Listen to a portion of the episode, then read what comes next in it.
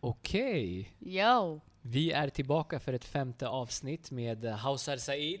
Hausar Said i Barez. Welcome Välkommen till huset. Ciao Barezen, tack så mycket. Vi har Vill idag eh, tre, tre kurder på plats. Ja. Hauser är min eh, kusin från min mammas sida. Mm. Och du är ju min syster från min pappas sida. Yes. Så ni är ju inte släkt. Nej. Nej. Men ni är vattenblod, blodvatten. Någonting.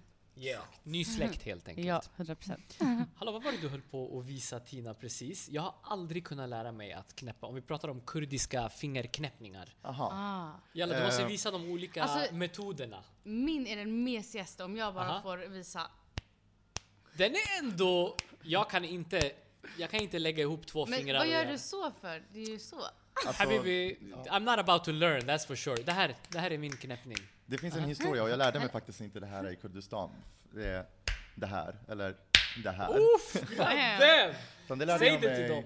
Det Säg lärde jag mig dem. här eh, när jag bodde i, ja, när jag bor, jag bor ju fortfarande här i Sverige. Eh, jag, vet det, jag lärde mig det när jag jobbade på McDonalds. var jag och en, en kollega, och sen typ, vi försökte hela tiden hålla på det här, med, med det här. Och sen till slut så bara, av någon anledning, jag började komma att tänka på Naruto. Okej. Och typ vi, vi, eh, du influerade mig i Naruto. Ja, Eh, det, det är en japansk anime Anime-serie. som många unga män har tittat på, skulle jag säga. Så då kommer jag att tänka på de här olika handsignalerna som de brukar göra. De som tittar på animen vet vad jag pratar Alltså det här är om. skitnördigt. De gör så här, du vet, eh, Eh. oxe, eh, lejon, elefant och så bara summon och så kommer det något monster du vet, som ska slåss mot hans monster. Förstår du? Förstår du? Ja. Det är Naruto. Du vet inte. Du Så vet då kommer jag att tänka på, på hand, handgesterna och då kommer jag att tänka på det här framför allt. Ja. Ja. Det är den mest eh, centrala. Exakt. Det här är to Förlåt. channel your Jag får inte chakra. skratta åt det, jag kommer få hat. Ja, det är den. Hon gör oss till största nörden. Men vet du, vi kanske Så förtjänar att då, Okej.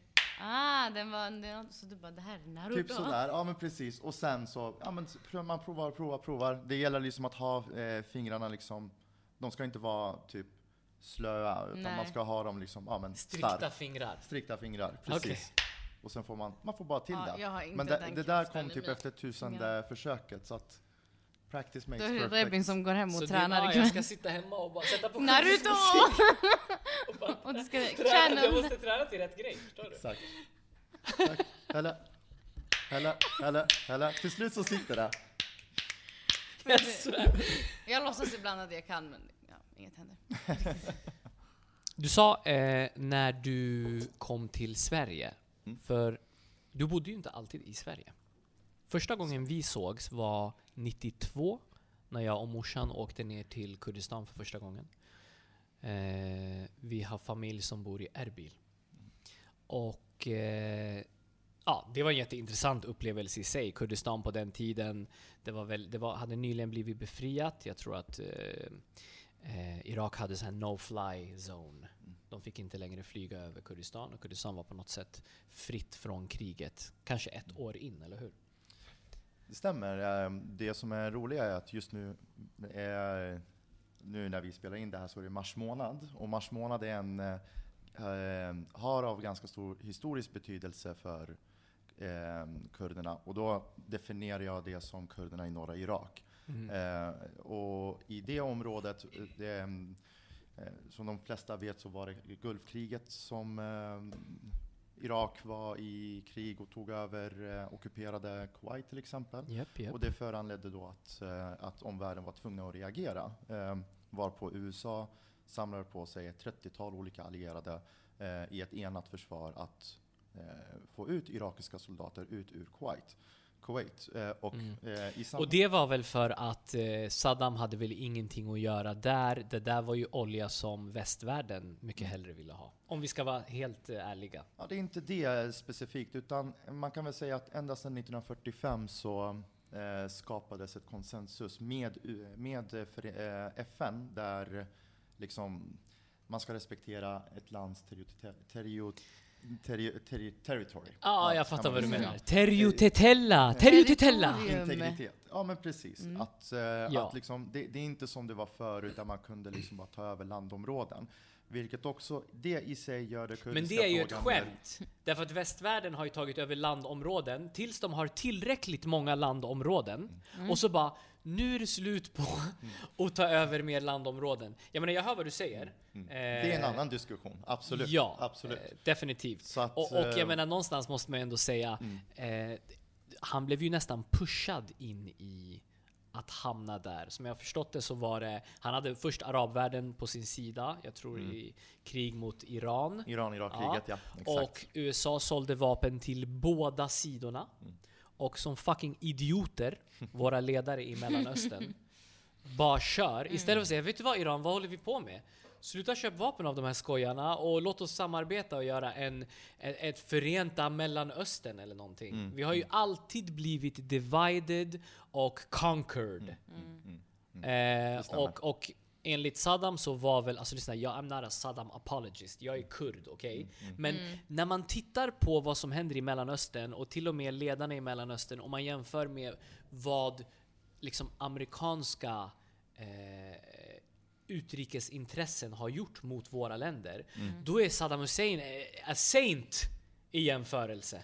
Ja, I, i, specifikt om vi pratar om vad som har hänt de 20 senaste åren, absolut. Jag menar, det har, livet i Irak Och har innan. inte blivit bättre eh, efter Saddam. Eh, vad som de propagerade för. Och de gick ju in också med, eh, med föreskriften om att Irak hade kemiska vapen. Eh, och exakt. kemiska och biologiska vapen, Ja. vilket var det i sig skit.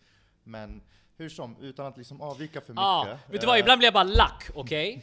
Och jag är trött på det här narrativet om att vi från Mellanöstern, vi är, det är vi som är terrorister, det är vi som hit, vi har krig, vi eh, håller inte koll på oss själva. Medan vi har blivit bombade tillbaka till stenåldern. Och där befinner vi oss just nu. Ja. Eh, Mellanöstern har alltså egentligen historiskt varit ett väldigt ehm, konfliktfylld område, kan man väl säga. Och det går ju som tillbaka till, till och med innan romarna. Alltså man går tillbaka till, för om man säger så här. Eh, en, en helt vanlig fråga, var skapades julen? Julen? Julen. Eh, Julet? Aha, aha. Okej, förlåt. Jag, Julet. jag hängde inte med. Eh, jag Ja, men inte. typ de, inte. Mesopotamien eller? Mesopotamien, Mhm. exakt. Mm. Det, Mesopotamien är det grekiska ordet för landet mellan floderna. Och i det här fallet då alltså Tigris och Eufrat. Basically ehm, var Irak Det är befinner sig. Irak, exakt. Ja, exakt. ja. Så att eh, folket som bodde där då, eh, då pratar vi om sumererna, eh, babylonierna, eh, eh, assyrier Mm. eh, och även också förfäder till oss, meder. Det finns till och med en annan teori där eh, finns ett folk, fanns ett folkslag som heter Guti Mm. eh, och de pratade inte, ett, eh, det finns väldigt, väldigt begränsat information om dem. Men de, De hette så för att de hade big booty. En booty. Yes. Nej, det är alltså våra förfäder. För de kom och erövrade sumererna till exempel. Eh, så, och de pratade ett språk som, som vissa forskare tror är, eh, ja men liksom eh, härstammar till dagens moderna kurder. Till exempel. Damn. Mm. Eh, och det, förutom det också så har du eh, syrtiens, det var liksom grekernas ord på, eh, eller ja, eh, benämning på, eh, på kurder. Eh, Vi har varit med i gamet ett tag. Mm. vi, vi är infödd, alltså vi är in, alltså original inhabitants av just det området. Mm. Eh, eh, Romarriket hade, hade, finns, en- fanns en liten del under Armenien som heter Korduen. Mm.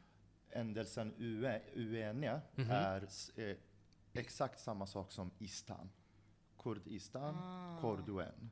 Mm. Så, och det är liksom corresponding till där man kan väl kalla för Bakur idag. Eller precis eh, i sydöstra Turkiet, typ under sjön Van. Mm. Får jag komma Så, lite närmare micken bara Hauser? Vi vill ja. gärna höra allting trevligt som du har att säga så I like that. Så nej, vi kurder har en väldigt lång historia eh, för, alltså i just Mellanöstern och vi är distinkta från, från perserna men vi har också varit en del av det persiska riket och den persiska Mm. kulturen.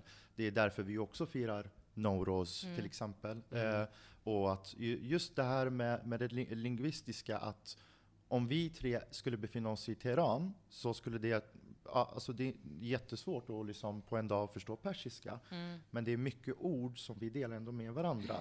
Ja, Eh, definitivt. Så eh, det, det, och det är mycket andra likheter också, men inte bara med dem, men att vi har varit, vi kurder är ett, ehm, eh, hur säger man, eh, ett heterogerisk folkslag. Det vill säga flera mindre olika etniska grupper Mm. har kommit in och definierat sig som kurder.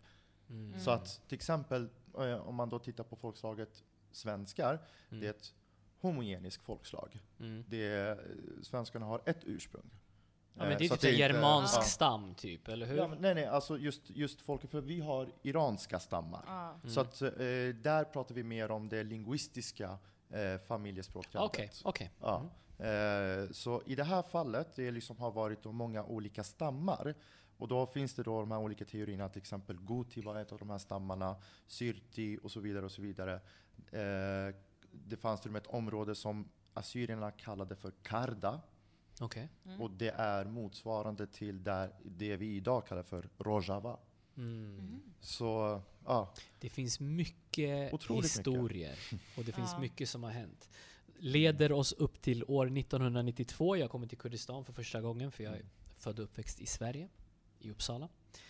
Eh, och jag träffar på dig hemma hos egentligen din farsas familj, eller hur? precis. Precis, hos min eh, farfar. Exakt.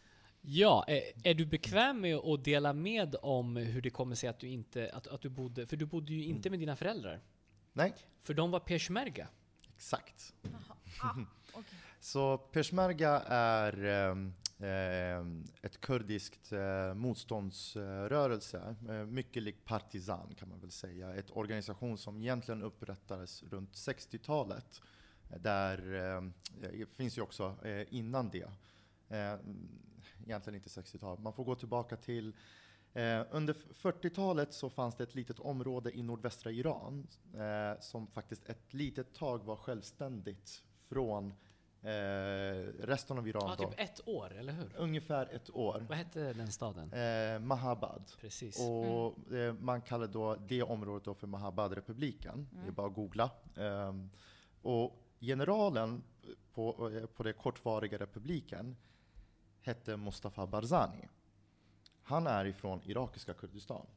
Och man kan väl säga att hans sonson Mm. är idag premiärminister och hans andra sonson är president över Kurdistans regionala regering. Just det. Eh, ja. Var det inte så att de var också typ president för Irak ett kort tag efter kriget, eller hur? Inte hela Irak. Inte Nej. hela. Det utan- var alltid den, för den kurdiska sidan liksom. Eh, ja, men precis. Ut- Men då har du ett annat familj istället. Eller du har en annan person som heter Jalal Talabani. Just det. Eh, Jalal Talabani eh, grundade det som kom att bli irakiska Kurdistans andra största parti. Eh, på engelska säger man Patriotic Union of Kurdistan. Mhm. På eh, PUK? PUK, exakt. Right. Och Barzanis parti då, som han grundade, eh, KDP, Kurdistan Democratic Party. Ja. Så de två är de mest dominerade idag i irakiska Kurdistan. Hur knyter vi ihop det här säcken tillbaka till att dina föräldrar var peshmerga? Eh, det Nej. roliga här är att eh, mina föräldrar var faktiskt inte ens vare sig på KDP-lägren eller på eh, PUK-lägren. Just just Utan det. de var kommunister. Eh, de var en del av det irakiska kommunistpartiet. Och det irakiska kommunistpartiet, eller det irakiska peshmerga, eh, eller kommunist-peshmerga kan man väl säga, var väl det enda eh, gerillarörelsen som faktiskt hade medlemmar som inte bara var kurder. Utan här pratar vi om alltså, eh, irakiska araber, det kan vara sunni, det var sunnimuslimer, shia-muslimer, det var kristna, det var yazidier. Alla som kunde identifiera sig som kommunister var en del av den här rörelsen. Och deras största uppgift kom ju till att bli att på något sätt finna lösningar gentemot Saddam Hussein. Det stämmer.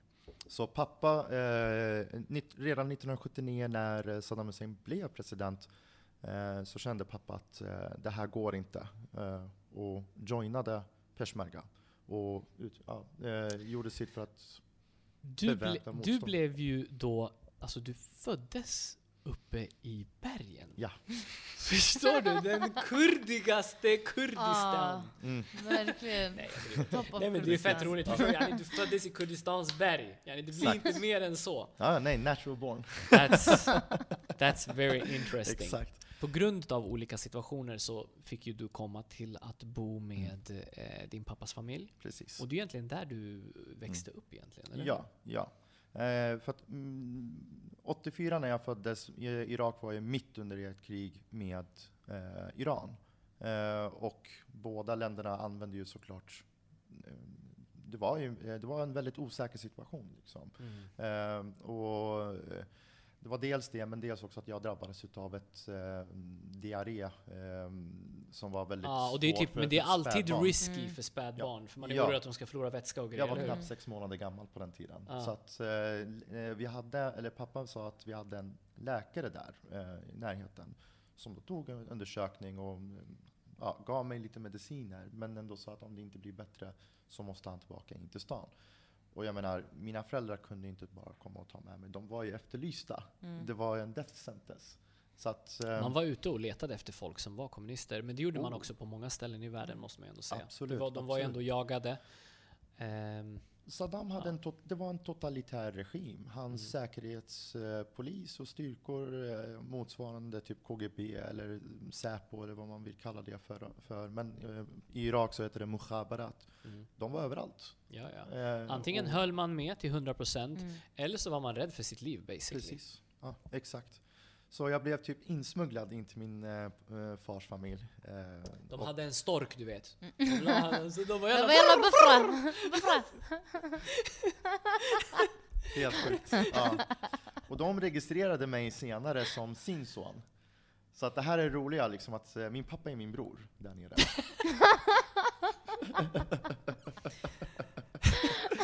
Så om man säger för mycket, det var bror. bror. Bror. Precis. Eller framförallt till mina kusiner på min pappas sida. Hej!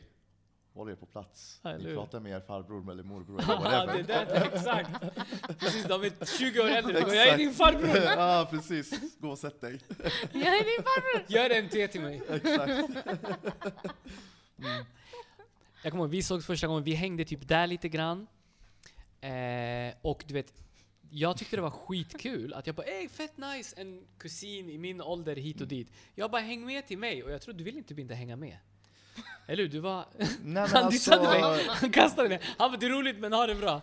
Du, Nej, det har från inte med det, med, med det att göra, utan det var mer att eh, det var en kaotisk period på den tiden. Det var mycket att processera. Min farfar, eller vad jag trodde, kände var min far, Mm. dog två, tre månader innan du kom. Just det. Eh, så typ, det här känns väldigt weird att säga, men typ, någonstans så vet jag hur det känns att förlora en far. Det är Mm. devastating. Men jag var Fattar det. Mm. typ sex år gammal kanske, Mm. och fortfarande idag så, såklart. Han är, han är här inne och han, han, tog, han gjorde mig till sin son. Liksom. Så att det, That's amazing. Ja, that's amazing. Bra farfar och pappa med andra. Definitivt. Dina föräldrar hade ju flyttat tidigare. De, de, på något sätt så flyttade de till Sverige och Mm. du, det var tanken att du skulle komma tillbaka. Alltså du skulle komma Ja. till Sverige, Ja. eller hur? Precis. Så att vi sågs där en kort stund. Vi kanske Mm. sågs en eller två gånger. Jag tror någonting sånt under den perioden jag var Ni där. var, Vi jag, reste ju runt och grejer också. ja men precis, jag minns att ni var där ungefär två, tre veckor Ja. innan ni reste tillbaka till Sverige. Exakt. Men kort därefter, tre, fyra månader efter, så kom mina föräldrar tillbaka. Så att innan ni kom så var faktiskt min pappa där. Och det var då liksom hela den här, typ min föregående världsbild liksom började raseras. Nej, det där, det där är din pappa.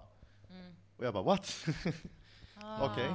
Ja, okej. så att liksom då, det var då liksom, ja men Så du hölls Ja. någonstans i det tysta när du var liten för man ville liksom att du Ja. skulle växa och ha det bra? Typ så här. Du såg som att det här är din farsa och det här är din familj. Typ så, Men eller? återigen, eller hade du någon aning? Typ? nej, ingen aning alls. Eh, Mm. Men återigen, är, f- som jag sa lite tidigare, det här var alltså under Saddam Hussein och en totalitär regim som har en väldigt brett angiverisystem. Ja, exakt. Så att om, om, även om liksom det var med välvilja, i och med att jag var ett litet barn, så kan jag inte liksom, jag vet inte, ibland kan man bara säga saker och ting. Exakt, man kan undanröja hemligheter. Det är bättre Ja. att alla är, in, är förstådda på hur man måste kommunicera Och det var min typ. farfars eh, policy liksom. Ingenting med någon annan. Och jag typ fick, där, därifrån blev jag så här, oh shit. Undermedvetet blev man själv rädd. Mm. Jag visste inte för vad. Men han ville, han ville bara skydda mig. Han ville bara skydda mig. Mm. Så att flera gånger, mina föräldrar har ju liksom varit tillbaka och försökt träffa mig. Men min farfar har sagt nej. Mm. Av den enkla anledningen att nej, men om han vet, jag menar, han kommer gå till skolan och han kommer säga nej, det där är mina föräldrar. Mm. Och ja, då, då är det ju kört där liksom. Mm. Så att han var väldigt, han var väldigt, eh, han Principfast. var väldigt principfast. Och, och säkerhetsinriktad, I guess. Såklart, såklart. Men det tog ju också såklart på, på, på min mammas hälsa också. För att hon hade, ja men, jag tror att många kvinnor kan relatera till att om du har haft precis ett nyfött barn som då inte är med Ja, det måste längre. vara the most Mm. devastating. Definitivt, Ja. definitivt. Ja. Definitivt att ni har Och gått igenom, hade- oh. precis, och det har varit jobbiga känslor på det. Oh ja. Det är sånt som man får deala med under, under hela livet. I, Självklart. I can only Eller, imagine. ja, nej, det finns ju liksom, äh, numera finns det ju ändå liksom, så länge man vågar be och fråga om hjälp så kan man ju liksom Ja, Tack kanalisera det och, och så vidare. Och liksom att, ja men det som var, var. Nu står jag här och pratar rationellt om, om det här. 100 procent. För att eh, man förstår ju de här olika bitarna. Liksom att ja, men det var svåra och jobbiga situationer. Och helt ärligt, jag kanske liksom inte borde finnas till. Då, jag, jag tänker liksom att när mina föräldrar skapade mig, de kanske borde ha bättre sexualkunskap. ja, men jag tänker att om jag är uppe i bergen, inte fan går jag och skaffar mig barn. Liksom. Det, det, det, men alltså, Vet du vad, vi hade inte suttit här annars så Nej, I think sant, it's for the sant. best. Nej, ja, du vet, ja, ja, ja. all typ av randomness är i slutändan intressant. Mm. Jag tror det är upp till var och en att lära sig att deala med sina barndomstrauman, för alla kommer ha olika nivåer Definitivt. utav det. Mm, mm. Och eh, det blir en läxa, och det blir en lärdom, och det blir en väldigt intressant historia. Mm. Så du har liksom levt under en totalitär regim. Most def. Då måste det ha varit jätteintressant, för dina föräldrar kom och hämtade dig. Hur gammal Mm. var du då? Du är 84. Exakt, så mm, s- sju, åtta ungefär. Ja, Mm. sju, åtta år, precis. Och då när de kom då och hämtade mig, eh, det var också första gången då som jag träffade min syster också. Hon var ett, år, ett och ett halvt år gammal. Bara, "Ah, det här är din syrra. du bara God damn, you shit all the time! Ja, well, how am I gonna take all of Verkligen. this information? Ja, ja, nej, alltså jag visste inte hur jag skulle processera det, men liksom typ, jag och min syster fick ändå ganska direkt så här. Eh, ja, jag klickade med henne direkt, Mm. gjorde jag. Eh, och typ, hon var den första som jag liksom kunde ankra mig hos, känslomässigt. Mm. Liksom, för hon fanns där och, och så. Sen kom jag liksom under Hon var inte de att- vuxna, hon är liten. Ja, ja, nej, men alltså typ när vi kom till Sverige till exempel, för mig var det liksom svårt att liksom ankra mig, typ en känsla av säkerhet hos mina föräldrar. För att de på något sätt fortfarande var främlingar för mig. Mm. 100 procent. de Det är ba- bara kunde känna- naturligt. Ja, ja, precis. Så de enda, det var egentligen typ, det började egentligen bara, det var två personer jag kunde liksom känna, ja men typ någon form av en känslomässig säkerhet. Mm. Det ena var du, för dig hade jag träffat innan. Mm. Och det andra var min syster. Så att det var rätt begränsat. Men, eh, men sen efter ett tag, liksom att, ja, men då, det började kännas bättre och så vidare. Så att då, då det blev ju bättre till slut. Du hamnade i Gottsunda, Bandstolsvägen, Oh yeah. Uppsala. Mm. Och jag bodde ju i Gränby, i samma stad. Två klassiska förortsstäder i Uppsala. Eller Mhm. förorts... Eh, vad säger man? Förorter. Mm. Förortsstäder I. Uppsala. Jag tänker initialt så skulle det vara intressant att veta hur var det att, jag menar om, vi pratade tidigare om att du var, bodde i en totalitär regim och komma till, till Sverige, till en liten stad, du vet så här, norr, längst norrut i världen. Mm. Hur var den känslan initialt? Eh, det var fantastiskt. Det, jag, eh, jag var bara liksom helt in A när jag, när jag landade i Arlanda. Att liksom hur grönt det är här. Och det var, det var fortfarande väldigt grönt för att jag landade 21 september Det är nice. 92. Det är ju inte nice att landa, du vet så här. äh, Mitt i 4 vinter. februari. Ah. Då vill man inte landa. Nej. Och det roliga är att innan jag kom till Sverige, eh, när mamma och pappa kom först till Sverige, så bodde de i Kiruna av alla ställen. God damn! Tacka Wow. din mamma för att de flyttade till Uppsala. Ja, det är den. Oh my Kiruna. god. Alltså, Det var, Kir- då ska man också sagt, säga min Kiruna, ja. Kirunabor är ju väldigt familjära och trevliga, så jag har hört Ja. att de är nice. Jag har, först, jag har haft en kompis från Kiruna som är väldigt trevlig. Liksom. Men min pappa sa till mig att eh, han berättade, när de kom dit så var det ju typ ja, men slutet av november, början av december. Mm. Det var inte många soltimmar det, så att mamma blev ju bara, vad är det det här för för land?" ställe? Vad är det här? Det är ju, det är ju aldrig idag. Ja, just det. I det måste Kiruna är det ju så. Det är väl mörkt hela tiden ja, ja, för det är norr om polcirkeln. Och sen på sommaren är det typ ljust hela 24 tiden. timmar. Ja, just det. Exakt. Ja. Stackars muslimer där. eh, För, för, för några år sedan så var ju Ramadan mitt under sommaren. Oh my Kommer god. du ihåg eh, till exempel vår gemensamma kusin eh, när han höll på och pluggade till läkarlinjen? Mhm. Ehm, Jag kommer ihåg det så väl. Det, jag tror det var sommaren 2015 där. För då, Ramadan inträffade ju eh, under sommaren. Och det roliga är Ramadan brukar, förskjut, förskjuts ju liksom framåt i kalendern. För att eh, ja, de, har, de utgår ifrån månkalendern som är 360 dagar Mm. istället. Ehm, eller nej, förlåt, 256 för det är 11 dagar som skiljer, fram, skiljer sig. Så därför, Ramadan flyttas ju framåt 11 dagar. Eh, så att jag minns när jag var, jag, tror det var 2002, 2003, då var Ramadan mitt i vintern istället. Mm. Och då kunde vem som helst fasta. Mm. Ja, Jo. för att det var inte så här, Ja, det, Det var liksom ja, det är så, ja, inte lika långt. nej. Och andra gånger blir det istället en, en väldigt lång fasta som man verkligen måste hålla ut. Ja, ja. Och egentligen nere i Mellanöstern, alltså det, det skiljer sig inte jättemånga soltimmar mellan sommaren och vintern. Precis. Ehm, utan det är ju fortfarande, det är ganska statiskt. Mm. Eh, visst, eh, när det är som mörkast så går ju solen ner eh, un, ungefär omkring 16.00. Och när det är under sommartiderna så går den ner istället 19.30, 20.00 typ. Mm. Så att du har ändå liksom en, ungefär en konstant stream av ja, men, sol och natt. Alltså solljus och, och, och natt. Och, ja, här i Norden är det ju lite annorlunda. Mm. Men, mm. Det var, det var en vacker tid i alla fall att vara barn. Eh, Den tiden som du eh, kom till Sverige och bodde här och vi spenderade liksom varannan helg var jag i Gottsunda, varannan helg var vi i Gränby. Jag tror vi fick en väldigt nice vänskap och som sagt, jag hade inte många eh, kusiner på den tiden i landet. Eh, bara några år innan hade ju, jag menar jag föddes bara några år där innan liksom. Och, och vi var ju rätt nya i Sverige som Mm. familj om man säger så. Mm.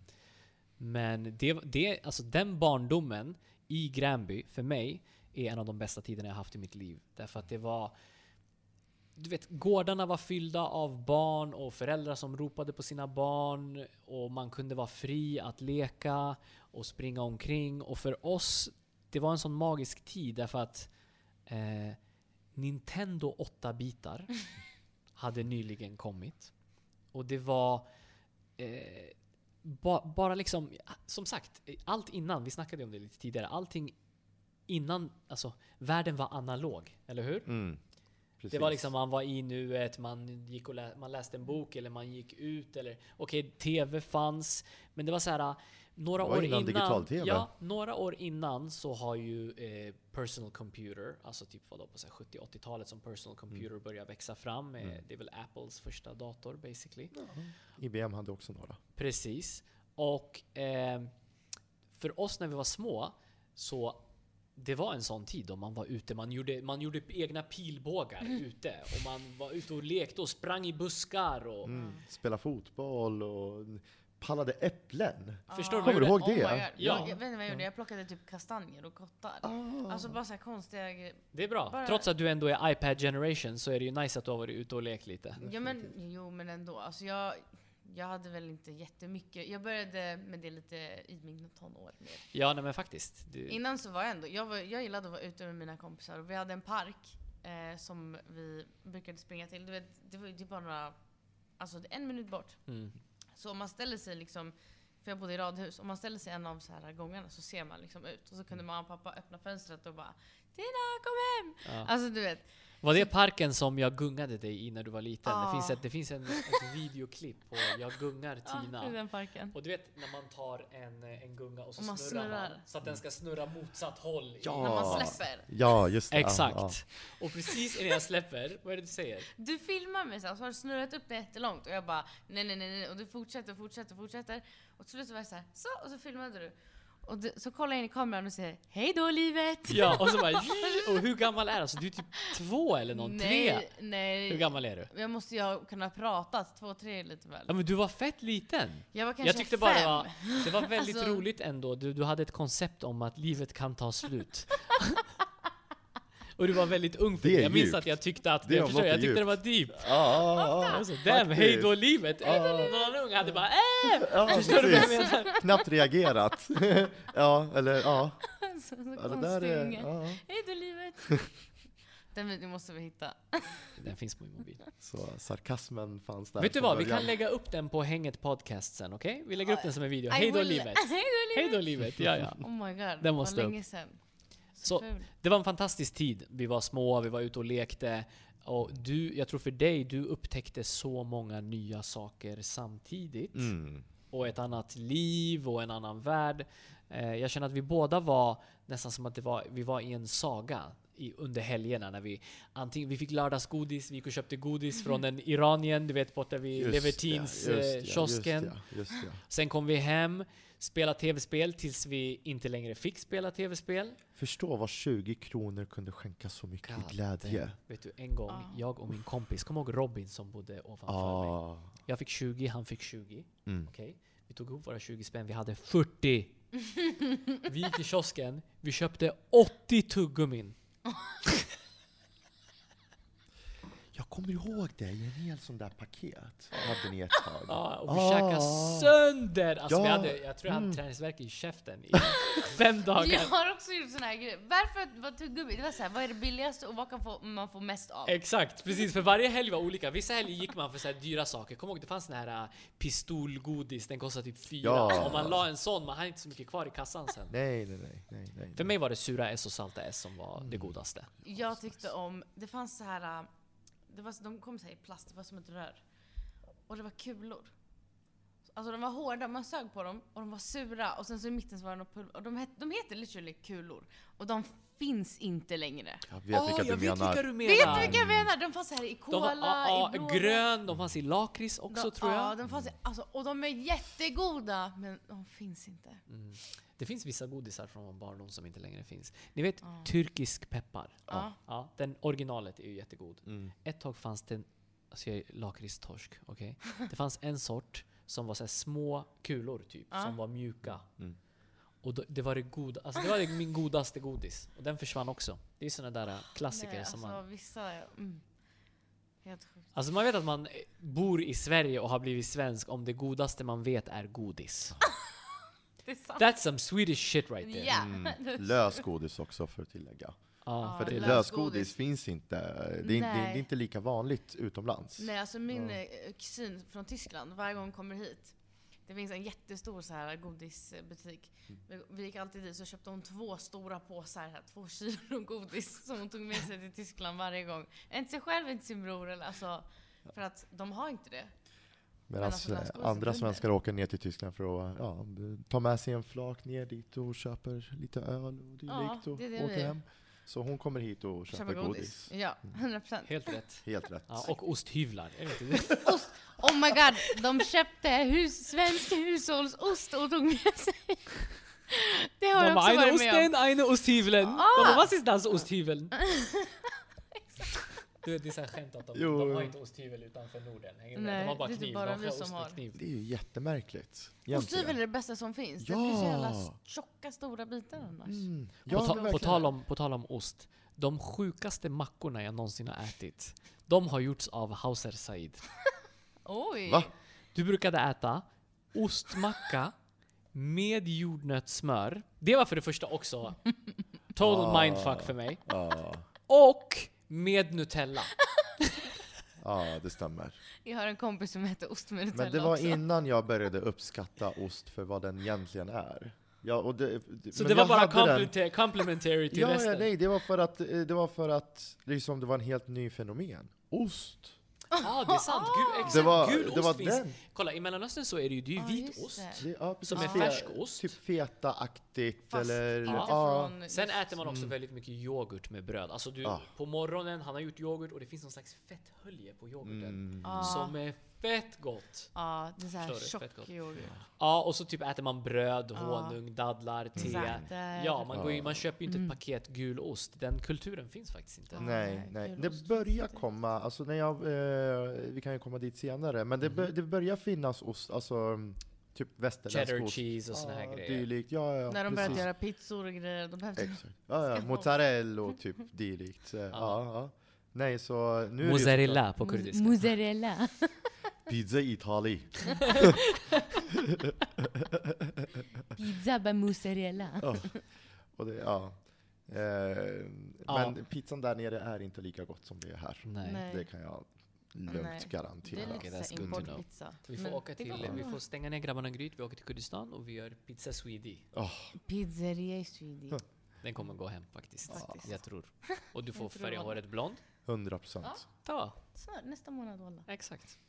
Ja, men vi ska i alla fall tillbaka till eh, barndomen och den Mm. tiden vi hade. För det var många saker som format mig idag kommer ifrån de händelserna som jag hade en sån eh, blessed barndom där jag kunde springa omkring och jag fick vara fri ganska mycket, eh, leka, upptäcka mycket egen tid.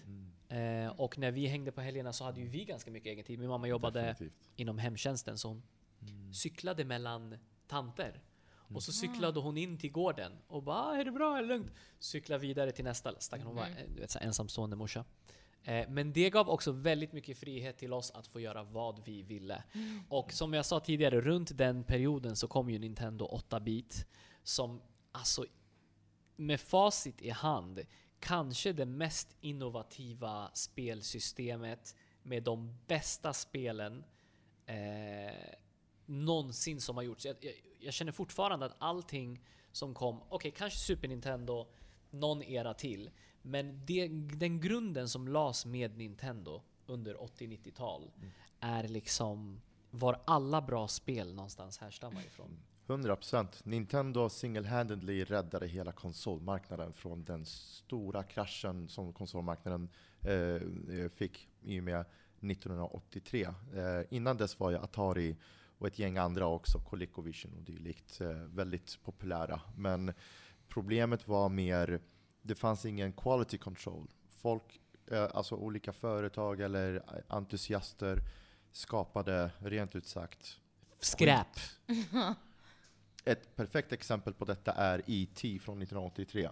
Just Man har det. hittat det i landfills. Eh, för de som inte vet får gärna googla eh, om E.T. Ja, men, Men ja precis. Men IT är väl en klassisk film eh, som var väldigt stor. Det handlar om någon eh, rymdvarelse Ja. som hamnar på planeten. Och jag menar, den mekanismen finns än kvar än idag, där, där liksom man försöker eh, ja, eh, ta någonting som är populärt i till exempel i filmvärlden och adapte, adaptera det i, eh, i spelvärlden. Nu har vi kommit så här? Tvärtom!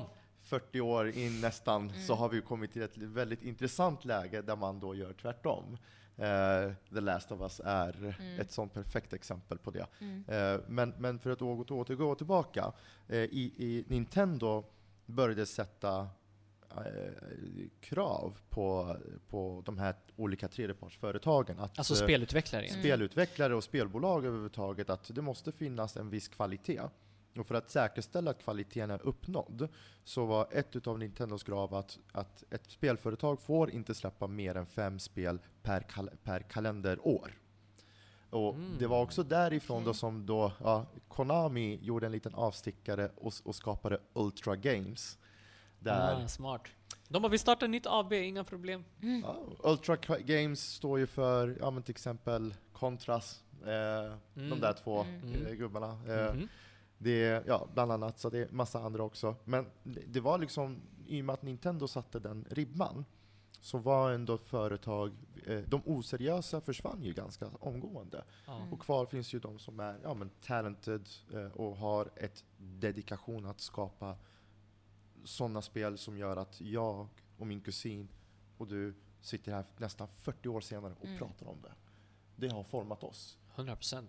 Och en sak som var bra med Nintendo var att de skapade inte bara en konsol, utan de var ju också ett spel, alltså en mjukvaruutvecklare. De Mm. skapade ju faktiskt spel till eh, maskinen, den här enheten, som också var fantastiskt roliga och intressanta. De hade Definitivt. väldigt smarta eh, personer i teamet med Shigeru Miyamoto, Oh ja. som vi ska främst prata om, som är skaparen av Super Mario. Mm.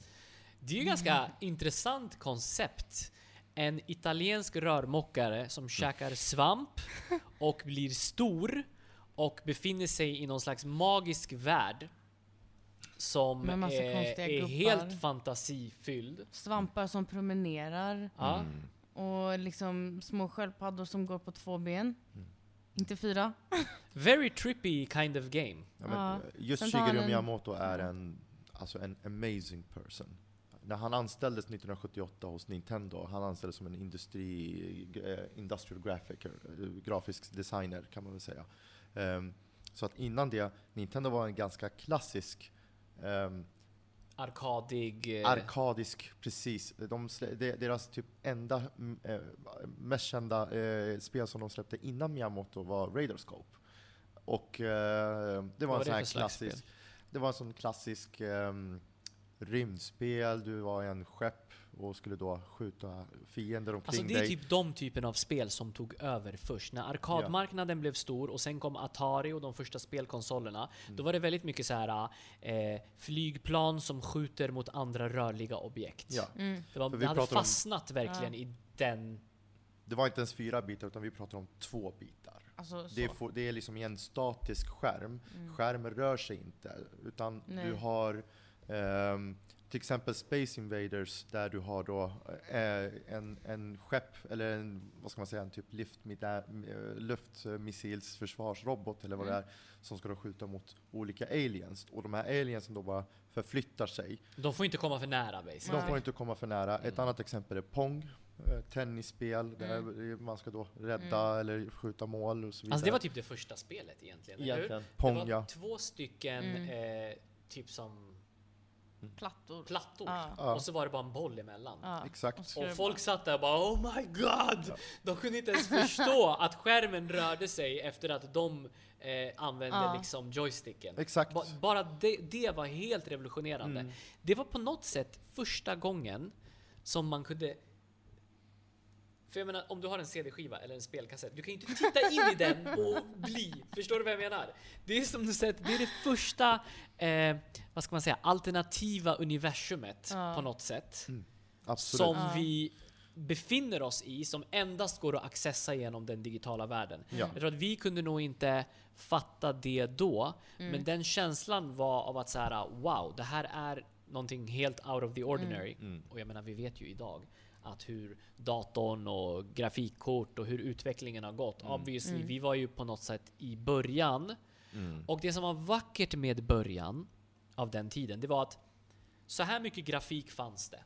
Så här många bitar ljud, så här många eh, pixlar, Färgpaletter. färgpaletter. Mm. Man var tvungen att göra det bästa utav det lilla man hade. Mm. Och då fanns, då fanns det bara rum för, för, för att när man väl hade maxat sin förståelse för arkitekturen, Mm. Då, då, du kunde inte göra ett snyggare spel. Hänger med? Så du var tvungen att verkligen komma på innovativa och nya sätt att bara Att göra... använda det lilla man liksom har. Mm. Exakt. Ja, okej. Vad har vi för exempel från Nintendo-eran? För dig, spel som har varit väldigt... Eh, eh, vad ska man säga? Som alltid har fastnat hos dig.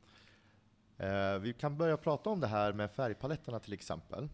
Eh, han som är grundare till det här spelet som jag kommer snacka väldigt mycket om har sagt att det är på grund av Nintendo och Nintendos färgskala som han är på det viset som han är, som han är så blå som han är. Jag pratar ju såklart om Mega Man. Mm. Eh, det är eh, ett spel som har kommit att definiera inte bara min, men även din barndom väldigt mycket. Vi har så 100%. otroligt grymma minnen från, från den tiden. Jag skulle säga Mega Man 1, 2 och 3. Det är bland de bästa shooter eh, plattformspelen som någonsin har gjorts. Någonsin. Så det är basically det är en gubbe som har en robotarm, han kan skjuta från den. Mm. Och så kan han möta, det är svåra banor, han möter Mm. bossar. När han vinner mot bossarna så får han deras vapen. Okej. Och så kan han använda deras vapen för att gå vidare. Och till slut när man har dödat kanske nio bossar, då är man på en resa mot sista bossen. Och då måste man använda olika vapen along Mm. the way för att Ah, ta sig okej, fram. okej. Det var liksom ett så enkelt koncept. Mm, mm. Men musiken till spelet. Ah, Oj, oj, oj. okej. Mm. Det är bara så här banorna Och de eh, olika themes från de olika eh, bossarna Mm. är helt klassiska, helt otroliga. Jag minns att du hade Megaman 1 och jag hade 2 och jag kunde låna 3. Precis. Kommer du ihåg? Det var någonting i den exakt, stilen. Exakt, exakt. Och det var så himla roligt för man kunde liksom bara swappa med varandra eh, och så vidare. Eh, han var en jättestor Mega Man 2-fan, Okej. medan jag gillade trean bättre. Och det är fortfarande än idag så här mycket, ja, nej, konsensus är ju såklart att Mega Man 2 är den Är det bästa konstigt? Vad är utav. kon- jag har inte koll på konsensus. Det är, konsensus är att ja, trean var inte lika innovativ jämfört med tvåan. Och det är Men därför tvåan är... treans eh, bossar är mer Mm, eh, legendariska, definitivt. tycker jag. Definitivt. Och i trean får man möta tvåans bossar. När man kommer Mhm. längre fram. Ja, det finns ett Just ställe. Kommer det. här stället där man ska in i warp holes för att ta sig Just vidare? det. Och så Just warpar det. man in dit och möter man typ Bubble Man helt plötsligt från Mega Man Just 2. det, Så det warpas man ut, man möter någon annan. Från gamla tiderna, ja, exakt. i, det, jag vet faktiskt inte vad jag, vad jag tycker. Nu när jag reflekterar i efterhand så kan tvåan och trean är nog lika kär plats. Och sen ettan är fantastisk och den är otroligt svår också. Mm. Jag tycker nästan ettan är svårast. Ja, eh, även om det är bara sex gubbar så har, har det ju väldigt mycket att göra. Det var, det var där det här konceptet lades fram. Eh, det är lite grann som sten, sax, påse. Mhm. Att, eh, att eh, du var tvungen att klara av...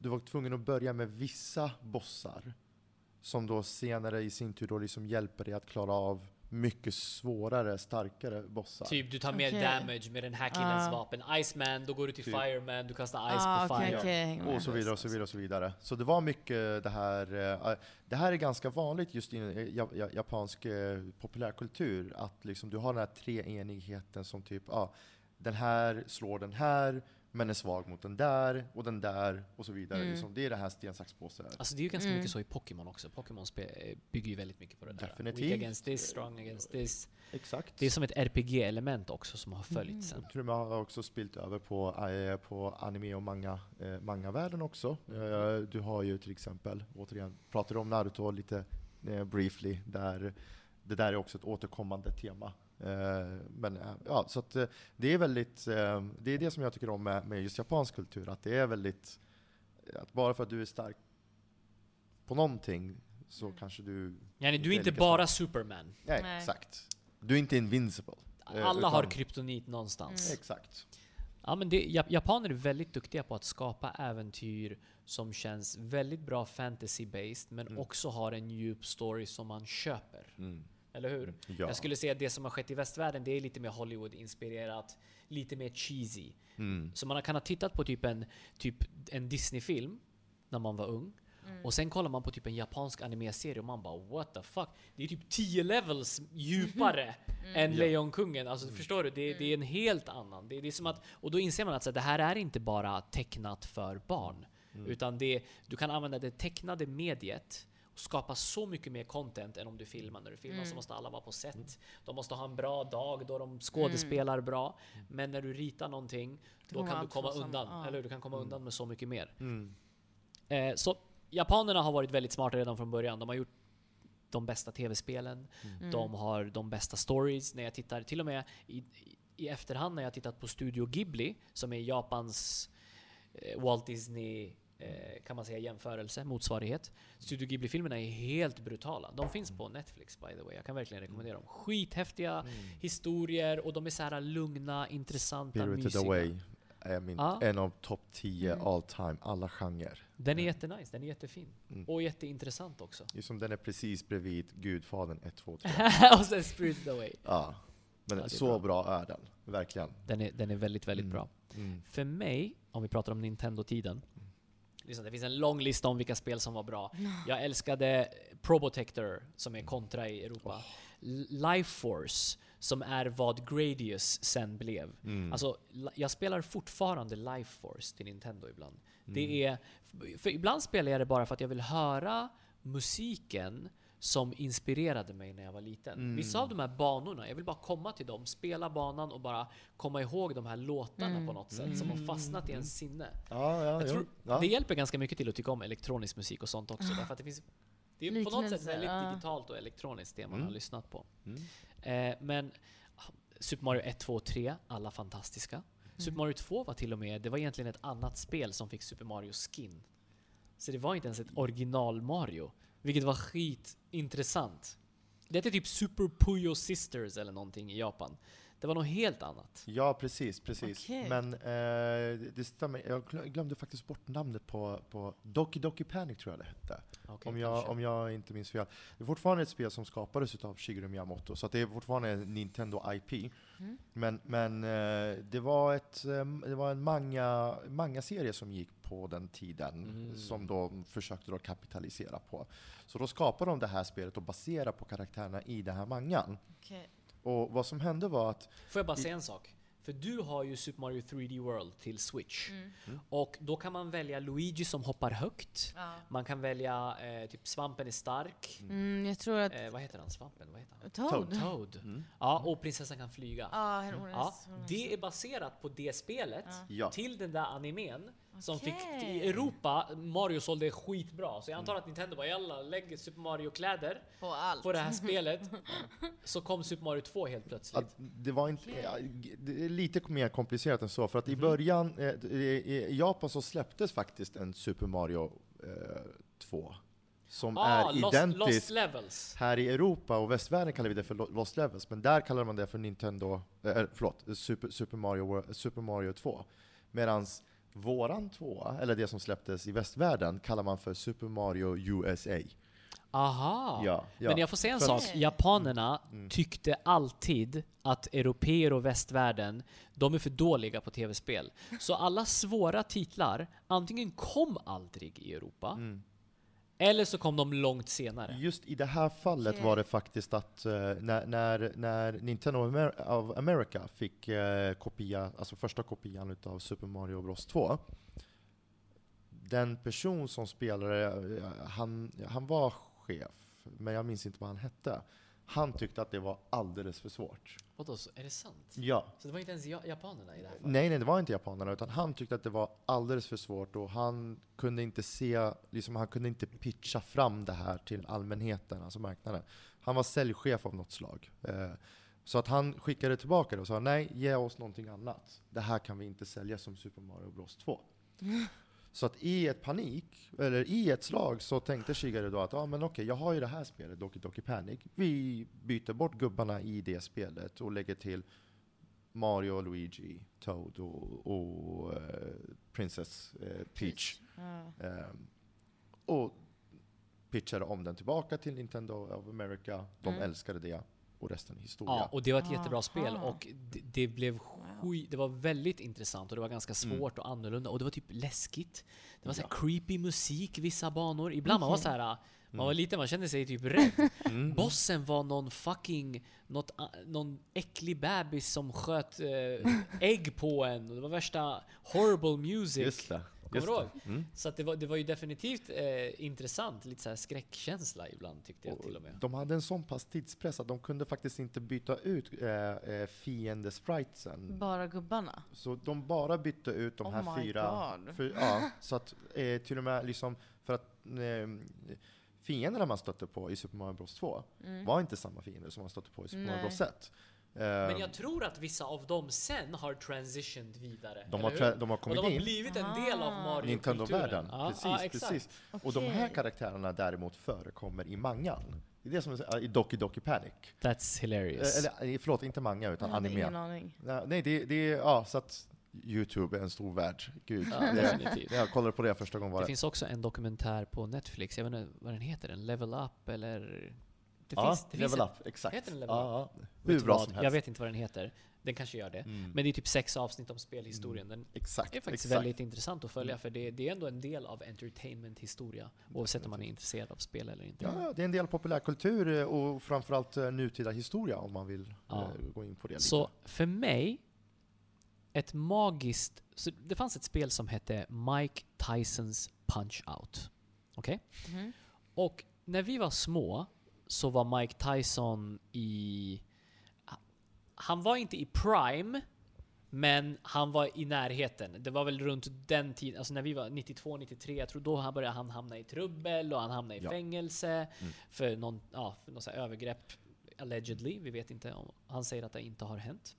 Men Mike Tyson var, när man tänkte på Mike Tyson, då tänkte man på den mest dominanta, farliga, läskiga snubbe som finns. Mm. Och i Mike Tysons punch-out från Nintendo, då var Mike Tyson sista gubben. Exakt. Så det handlade om en ung kille som var typ som en rockig grabb. Mm. Och man skulle boxa sig fram mellan olika typer av eh, challengers. Ja. Mike Tysons Punch-Out är också ett väldigt svårt spel. När man börjar komma upp bland de senare levels, Mm. man möter de sista gubbarna. Du vet, det är så här, ibland kan en smäll däcka dig och så får du en, två träffar och det är game over. Du måste börja om från ganska långt tillbaka. Oh my god. Just Mike Tyson, jag tror att man har, alla i området, alla barn i min närhet, jag tror jag var sex år gammal eh, vid det här tillfället som jag ska berätta då, som är one of my proudest moments. Så jag har ju haft Mike Tysons punch-out nu kanske i ett år. Jag Mm. har försökt under så lång tid, vi har alla försökt. Du vet, man vinner, alltså det kanske är, vad är det, 12 eller 14 gubbar på väg upp till Mike Tyson? Ja. Någonting sånt. Du, när du kommer till Mike Tyson, han står så här och så typ gör han en sån här smäll. Och det är helt misstiming. Varje smäll dödar dig på en gång. Ja.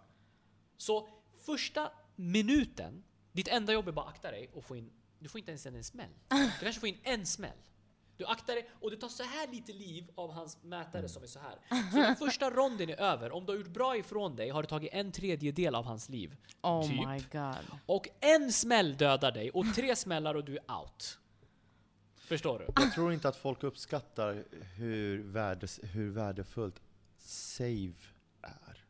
Save. fanns inte save Nej, för du, den för tiden, du går runt hörnet, det blir autosave. Du går till nästa hörn, autosave. Exakt. Det är för övrigt Så du kommer direkt tillbaka gillar. till... till Ja. ja, det, För några steg sen. Det beror, på, det beror på vilket spel det är. Jag, jag, Jag tror tycker att det är mycket bra. har gått dit. Ja, såklart. Självklart. självklart. Short Eh, attention span. Det är som att man gör det för short attention span. Du? eller för att liksom Mm. mer, om det är till exempel en stor open world-spel som du spelar så ka- kan det vara ganska sen så att du kommer tillbaka där du avtog liksom. Ja. Och, och, Jag är ju totalt tvärtom. För mig, jag är Mm. rakt av hardcore. Jag är Mm. så här. du får spara för 10 minuter sen. Om du inte klarade de här 10 minuterna plus bossen, gå Börja om 10 tillbaka. minuter. Exakt. Men det är också för att vi kommer från den här Ja. liksom moment of scarcity, att liksom vi, vi skrev ner passwords. ja, ja, det för fanns att passwords liksom- till vissa, vissa Megaman platser. till exempel. Eh, och då var det liksom, Ah. ah, ja men typ om du ville spara spelet så var du liksom tvungen att gå bort och hämta en papper och penna och så typ bara skriva ner Ja. ja, för det finns ingen minne. Det finns ingen save slot. Ah, Typ det första spelet som har en save slot är Zelda 1 till Nintendo. Och Ja. det var en legendarisk grej. Att så här, det fanns tre saves som man kunde göra. Det var så mm, mm. jättecoolt. Alltså, saves. Det, det hör hem- hemma på olika ställen. Jag tycker till Ja. exempel att det kan vara kul för att jag är keff. Alltså så här, ibland så, om jag, ska vin- om jag ska klara någonting så måste det finnas en save, annars kommer det inte gå. För Jag att tänker att så här, jag, risken finns att du kommer tröttna. och så kommer jag köra samma bana om och om och om. Till exempel Luigi's Mansion som jag älskar, som jag preachar om. Luigi's Mansion på Nintendo, det är den nya Luigi's Mansion. Ah. Jag älskar det spelet. Och då varje gång du går igenom, går igenom en dörr så är det, är det en save. Alltså så här. Och det är Ja, ganska ja. mycket dörrar för det är ett Ja. hotell liksom. Och det tycker jag är bra. För att Ja. jag hade aldrig klarat det här spelet annars. och jag har klarat det några jag, gånger. jag tror att så här, nu för tiden har spelutvecklare möjligheten att så här, eh, du kan få uppleva spelet så som kanske de tycker. Du kommer ihåg, jag pratade med Jocke om Mm. det här. Att så här, så här upp vill vi att du ska eh, uppleva det. Sen kan det finnas en, ett lite easier Mm. mode, bara för dig som bara vill ha, vill spela igenom och ha en trevlig stund. Mm, Så jag tror att det är jättebra att det finns många olika eh, nivåer. mm. Så att alla kan njuta av det på 100 sitt sätt. Så var det ju inte när vi var yngre. Då var det liksom, det var en bana. Ibland var det ett stup som så här. Du hade ett liv kvar. Om du inte hoppade rätt för stupet och landade på rätt liten bit. Mm. Då måste du börja tillbaka igen från 20 minuter, Börja. en halvtimme kanske. Början, början. Alltså, Och sen ja. kommer mamma in och säger Hallå stäng av! Ja, och du bara ah! jag kan inte! Det har varit dagar, alltså framförallt helger, som du och jag har grindat igenom saker och ting utan att komma vidare. Till exempel Ja. Megaman, eller kommer du ihåg eh, Gunsmoke? Ja, jag kommer ihåg Gunsmoke. Den är också en sån där Gunsmoke spel. var ett spel, man var en, eh, en ban bandit, nej inte en bandit, en banditjägare. Exakt. Ja, och Ja. varje ny bana var en bandit. Så här, Mm. den banditen får du så här mycket pengar för. Och så, och så gick banan nerifrån och upp och man kunde hoppa på en häst. Man kan väl säga, liksom, om, jag ska, om jag ska komprimera det hela, det är en åtta bitars version av Red Dead Redemption. Alltså en, en western-spel där du bara går fram och ska då skjuta höger eller vänster. Eh, men det, var, alltså, det, det jag älskade med det här spelet är, fortfarande idag, den är så himla utmanande. Mm. Det är utmanande. Skitsvårt. Det är svårt. Alltså Ja. du måste vara fingerfärdig. Och liksom, Du har inte många extra liv. Ah, Nej, nej, om du dör, that's it! Och då börjar du på level 1. Oh. Capcom var fan inte nådiga med det. Nej, alltså. ingen Nej. av dem var nådiga Nej, och det var nice. Det var, limit, alltså det var limitation, så typ det som var med Zelda till exempel, de, hade, eh, de var liksom tvungna att lägga till en sån här battery save, Mm. alltså eh, på en sån här pennbatteri. Och därför, därför är spelet i sig också färgades guld, för att den var lite dyrare än de andra, av den anledningen. Ja, Jättekul liksom. faktiskt, det är, Men, det är, en- det är en ja. klassisk eh, cartridge. Mm. Så i alla fall, den, det är en sommardag, vi har varit ute och lekt. Och alla kompisarna kommer hem till mig i Gränby. Jag vet inte om du är med den Jo, gången? jag har varit med några gånger. Ja. Speciellt när du kom till sista bossen där, på Yeah. Mega Man. Ja men på Me- Mega... Ah, Mega Man! Mm. Just det! Mm. Okej, så Ja. grejen är så här. Det finns en gubbe, ja men jag skulle prata om Mike Tysons Punch-Out, men vi kommer tillbaka till det. Megaman, då var vi alla, jag minns, du var med, Mm. och vi var några vänner. Och det fanns en boss som hade en eh, attack, som så här, han typ gjorde ett spinning move. Det såg ut som han gjorde en Michael Jackson...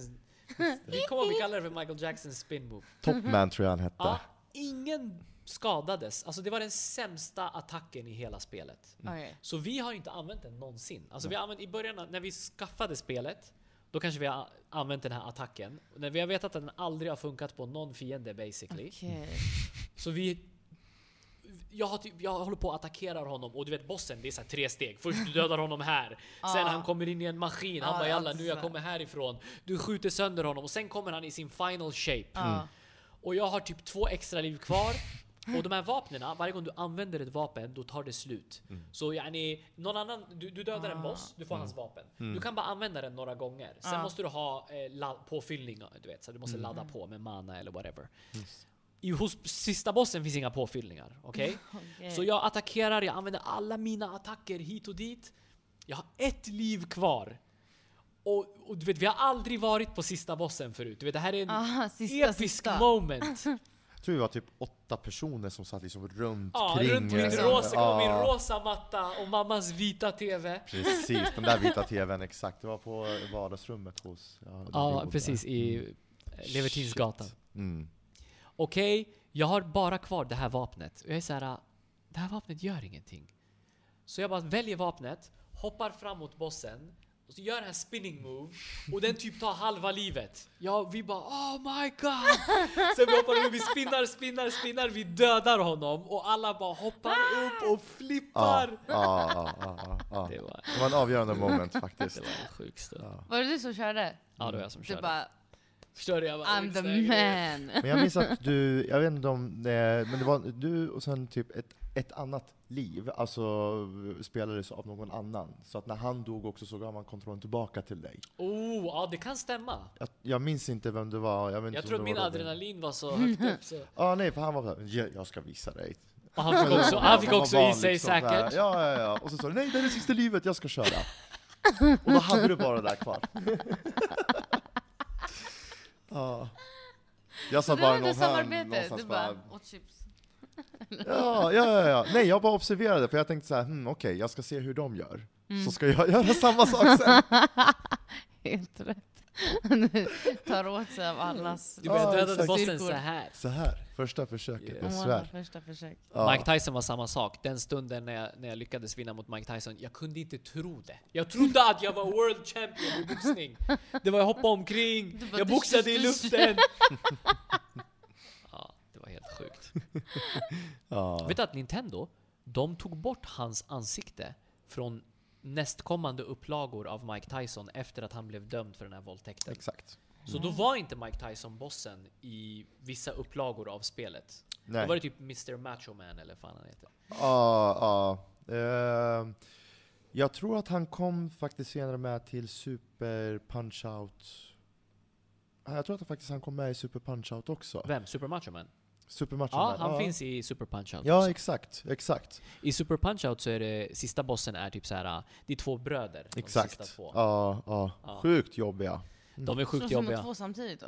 Nej, Nej. utan eh, du Först möter den man ena. lillebrorsan som är Aha. näst sista bossen, och den enda han någonsin har förlorat mot är storebrorsan. Och då Aha, möter okej okej okej. Ja. Den nivån liksom. Nej, Nintendo var en, en fantastisk era med otroliga spel som jag tycker det är synd att så här, äh, det finns så mycket content där ute idag och så mycket enkla sätt för folk att casual spela. Mm.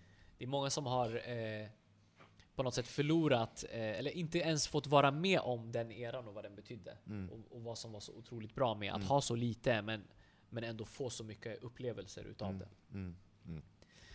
Sen, jag menar, livet fortsatte. Vi, vi var gamers igenom hela livet. Oh ja. Jag tror jag sålde mitt Nintendo. Du vet, vi var fattiga. Alltid när man skulle ha en ny maskin. Du vet, jag älskade min Nintendo, men jag var tvungen att du vet, Ge såhär- upp den för att Ja, gå så såhär, vidare. Nej, sälj Nintendo med alla de här spelen. Mm. Spara ihop lite pengar, köpa Super Nintendo. Ja. Det var en sacrifice att gå- för att gå vidare, Ja, utvecklas, ja. upgrade. Men det var en jävligt bra sacrifice ändå, måste jag säga. Mm. Med, med Super Nintendo så kom det ju också väldigt intressanta titlar och grafiken var kändes som att den var dubbelt så snygg. Super Mario World när vi satt och spelade Åh, det, det var, ja, ja, ja. Det var Och sagolikt. musiken som var liksom hur underbart som helst. Och här är det roliga egentligen vad det gäller musiken. Ken, Kutagara, Ken Kutaragi, Playstations pappa, i sin fritid skapade ett ljudchip till Nintendo. När, medan Maxad de, grabb. när de, när de eh, skapade Super Nintendo. Och det gav dem en inköpsport in i det, Mm. industrin senare.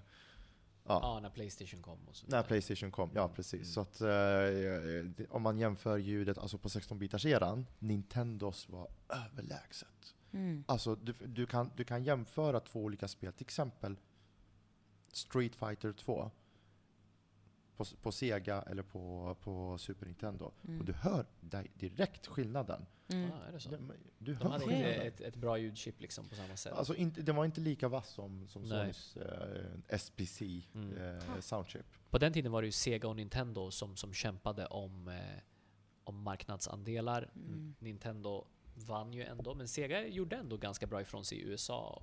I USA, USA var den enda marknaden där de hade en knapp eh, fördel gentemot Nintendo. Jag tror att det var typ 50, 52 procent Mm. mot 48. Mm. Men i övriga världen så, så dominerade Nintendo. Fast Alla ändå tyckte om inte med så Mario. jättemycket. Alla tyckte om Alla Mario. tyckte om Mario. Men, men sen samtidigt var också lite det, Sony, var- Sonic var ju liksom edgy och liksom Ah, typ jo. han, han liksom... Sonic var eh, Han Cool. representerade också någonting coolt. exakt. Det var exakt. Mario och det var Sonic. Det var Ja. liksom de som var... Ja, de tävlade mot Men varandra. också att Exakt. Sega var faktiskt också det första bolaget som också typ började tillämpa, hur ska man säga, eh, eh, modern eh, förhållning vad det gäller, alltså som nu, eh, som nu råder i, i spelvärlden. Mm. Eh, de signade eh, eh, nya avtal med, med massa olika tredjepartsleverantörer alltså, och sa liksom att ah, men, vi kommer ge er bättre fördelar om ni arbetar med oss jämfört Mm. med om ni arbetar med, med, eh, med eh, Nintendo. Och de liksom specialiserar sig väldigt mycket just på den amerikanska marknaden. Tog reda på vad det är amerikanerna gillar. Jo, men de gillar sportspel. Och det är Mm. därifrån då EA Mm. Sports Mm. blev liksom, ja, men ganska dominant ändå. Nintendo liksom halkade efter på den banan ganska, ganska så grovt faktiskt. Ja, Så faktiskt. finns- Nintendo fokuserade väldigt mycket mer på de, de egna spelen. Om det var racing så var det Mario Kart. Om det var tennis så var det Mario Mm. Tennis. De bara Mario will do everything! Mario Ja. will do all of it. Men sen så kom ju när Wii kom, då blev det ju Wii Sports. Ja. Då körde ju alla Wii Sports. Det var Alltså, bowling och det ja, var när golf Wii och kom alltså- med Wii Sports, Mm. jag tror att Wii lyckades få även folk som inte ens gillar tv-spel att Ja. tycka det var intressant. Exakt. 100%. Exakt. Och de, det var så enkla kontroller, jätteenkla knappar. Mm. Alltså Mm. du vet, du svingade med den och det var jätteenkla instruktioner. Vem som helst kunde köra. Alltså jag har stått och fuckat Ja. ur när jag spelar tennis mot Man kan dela in Nintendo, Tennis alltså, var dunder. man kan dela in Nintendo i tre olika era. Så den era som jag och, och, och Reivin pratar mycket om, det är Hiroshi Yamushi-eran, han som var president. Eh, Yamushi är ju de som typ skapade Nintendo på 1898. Mm. Så det var en familjeägt företag. och då var det väldigt, då var liksom hans filosofi var liksom, han tog ju det från att Nintendo egentligen basically skapade kortspel Mm. och så mindre så här, ja, men typ lego och liknande eh, prylar till att komma in i den här eran. Och då Mm. vill han ju såklart att liksom, det ska vara tight kontroll på framförallt deras IPs. Liksom. Ehm, men sen så efter att han steppade down, tror det var 2003-2004 där någonstans, då kommer vi in på Satoru Iwata-tiden. Och han tillämpade något som heter, kalla- eh, en strategi som kallas för Blue Ocean. Där Nintendo Wii liksom var designat till att liksom få din mormor att fatta hur hon ska spela. Mm. Inte liksom Mm. så här sitta med liksom kontroller. Nej, nej, men för att rörelsekontrollerna tro- tyckte de på den tiden var väldigt, väldigt innovativt. Ja. Då behövde de inte... Ja, De hade någon bräda också. Man Ja. skulle gå ner i vikt och grejer. Ja, det var Ja, ja, ja, Ja. fitnessgrejer. ja, ja. Ja. Wii Fit till exempel, absolut. Men Ja. att liksom, det, var, det var deras ambition. Och de liksom tog ju skapa. tillbaka jättemycket av marknaden tack vare det. Därför att under, mellan Super Nintendo och Nintendo 64, säg 96-97, Mm. då kom en era där Sony tog över Mm. med sina Playstation, Playstation 1 Mm. och 2 och 3. Idag är vi uppe i Playstation 5.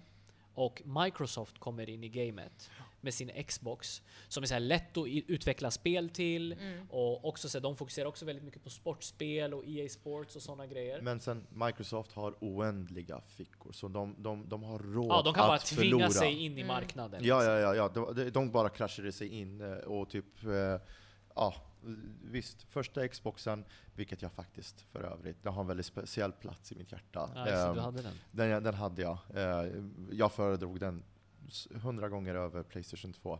Eh, inte på grund av spelen, men på grund av grafiken. Den var Mm. mycket bättre. Men också att den var också enklare att chippa.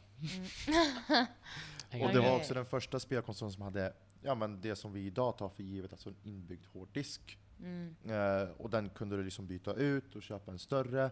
Och, och du kunde ja, installera eget OS på det. Alltså Förut den var fanns väldigt inget- datorlik. Mm. Tidigare hade var. enheterna varit väldigt låsta. Mm.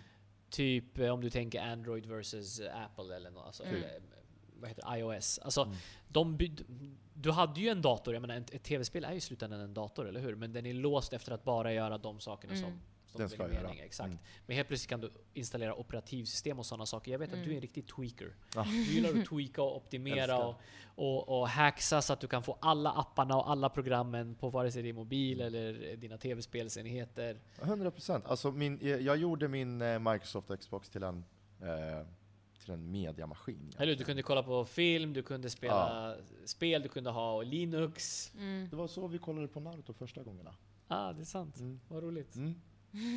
Det är det, ja. Men eh, jag gillar liksom så här, att ha en grej som kan göra väldigt mycket olika saker. Och det är därför smartphones idag, du kan göra Mm. allt med dem. Du bara, jag var före dem. Ah, nej, det var, det var mest liksom för convenience. Liksom. Ja, 100%. Eh, Det är mm. väl det som IT lite är. Man ska så liksom förenkla eller för effektivisera. Ja, Typ ja, så. ja, visst. Och liksom, ja, eh, nej, Xbox var jävligt, jävligt Mm. nice. Men jag kommer ihåg att nej, jag hade, om vi går backar några generationer tillbaka till 64-eran och Playstation-eran, eh, typ mitten, men nej, inte mitten, slutet av 90-talet, typ 97-98 där. Framförallt 98. ehm, ursäkta, 99 menar jag. Jag bytte in min, min Nintendo 64. Hade du också en Nintendo 64? Jag hade först Nintendo 64. Mm. Okej, jag visste inte det. Mm. För vi hade ju båda Nintendo 64, vi var skitglada att skaffa det, men Ja. vi bytte snabbt ut det mot Playstation. Precis. Okej. Det var Jag har ju- någonting som hände. Det var en grej som Ja. hände där. Okej. Det kom ett spel 97 Mm. som heter Final Fantasy 7. Ja. Och det var en polare i, i klassen som heter Mattias. Tack så mycket Mattias Eriksson för att du lånade mig Final Fantasy 7. Eh, han lånade, jag tror han lånade mig sitt Playstation också. Typ. Alltså, jag vet inte, det var någonting Just i den det. stilen. Mm. Och jag tror att han tog min Nintendo 64, någon, något sånt. Och jag fick spela det här spelet för första gången och var completely mind blown. Så, alltså Final Fantasy 7 är basically ett JRPG, alltså ett japanskt RPG. Det är en sån här typ av äventyrsspel som man kanske kan jämföra med Zelda-aktigt för de som inte riktigt hänger med. Men det är story-based, så det är väl samtidigt som att det är som att läsa en bok, för det är mycket konversationer mellan karaktärer, så man får dyka in i en riktig story. Mm. Och sen är det intressanta tv-spelselement. Man är, man är som en slags rebellgrupp, man ska kriga mot eh, eh, vad heter det, myndigheter som håller på att förstöra världen. Och en väldigt så här cool, djup, djup story som jag inte riktigt hade fattat. Spelen hade ofta handlat om att klara coola, bra spel, lösa mysterium. Mm. Så, det var, det var så själva spelandet upplevdes kanske för Mm, vår mm, del. Mm. Men det här var första gången då man så här fick följa karaktärer och lyssna på deras känslor. Och, ehm, det var någonting annorlunda. Och just Final Fantasy 7 Mm. ses, ja, ses fortfarande vara som en av de största spelen i de bästa spelen som har gjorts. Och eh, jag tror att jag kanske lånade det här spelet under ett års tid av honom. För till slut, ja, det här ledde till att jag bara såhär, fuck det här. Jag säljer mitt Nintendo 64, jag skaffade Playstation, chippade det på tv-spelsbörsen i Uppsala för 600 spänn. Det var dyrt, jag var ung och fattig så jag var väldigt glad. Också en sjuk grej som Sony gjorde med Playstation. Helt plötsligt var det CD-skivor. Okej? Ah. Och det här var tider då, jag menar datorn började dyka Man hade dator, man hade CD-brännare. Mm. Om du bara la ett chip i din Playstation, helt plötsligt kunde du köpa 10 pack CD-skivor för 90 spänn. Och bara bränna spel. Du laddade ner dem från Ja. internet och brände dem. Och det var också en hel era i sig. Man var ute på internet, man hade inte jättesnabbt internet, så man satt liksom länge Ja, herregud. och Ja. väntade på att ladda ner. Och så Ja. bränna en skiva. Tog kanske 45 minuter. Man hade så här 2x läs- hastighet, 4x var Ah, den nej, nej, värsta. det var, det var, inte, det var inte alls eh, Det tog snabbt. tid och ibland blev det Mm. brännfel. Mm. Åh Man var nej. tvungen att bränna om. Så att det var, det var mycket om och men för att få spela de här spelen. Men Mm. till slut så fick jag min egen brända kopia av Final Fantasy 7. Och jag tror att du var hemma hos mig många gånger och såg mig spela spelet. Och Ja. du blev också så här. ah, Vad fan är det här för något? Mm. Det var det enda jag tänkte på. Vad i helvete är det här för någonting? För, det, för mig, det som är eh, det som är mest banbrytande med Final Fantasy 7, i, eh, alltså om, man, om man tänker fram till Final Fantasy 7, alla typ hjältar, protagonister som man spelade var ganska endimensionella. Mm. Stora, starka, supermaskulina Tysta. män. Och typ, ja, De hade Ja. inga åsikter, du följde bara dem. Det var som att du var spelaren. Mhm. ja, men Du var precis. personen. The strong silent type, like Ja. Gary Cooper. Exactly. För de som vet, de vet. Eh, men ja, eh, så att här kommer det då en person som är ja, men typ rätt känslig ändå. Huvudrollsinnehavaren i, i Final Fantasy 7 är ganska känslig. Eh, och typ har varit med om saker Han är som typ här en soldat som är traumatiserad ifrån sin Ja. soldatträning. Ibland så tappar han det. Ja. Man fattar inte varför. Det var så konstiga saker att se i ett tv-spel. Mm. Det var så filmiskt. Verkligen. Och jag tror att liksom, utan att spoila för mycket, det finns ett, eh, det är en sektion som har väldigt mycket med honom att göra framåt slutet av spelet, där hans barndomsvän försöker hjälpa honom att hitta sig själv. Att liksom över, liksom för att han har liksom, han har Han har intalat sig lögner om vad som hände och grejer, eller hur? Exakt, exakt. Nej, han har antagit personlighet som är, inte är han, helt enkelt. Okej. Och hon vet vem han är. För de har ju liksom vuxit upp tillsammans med Mm. varandra.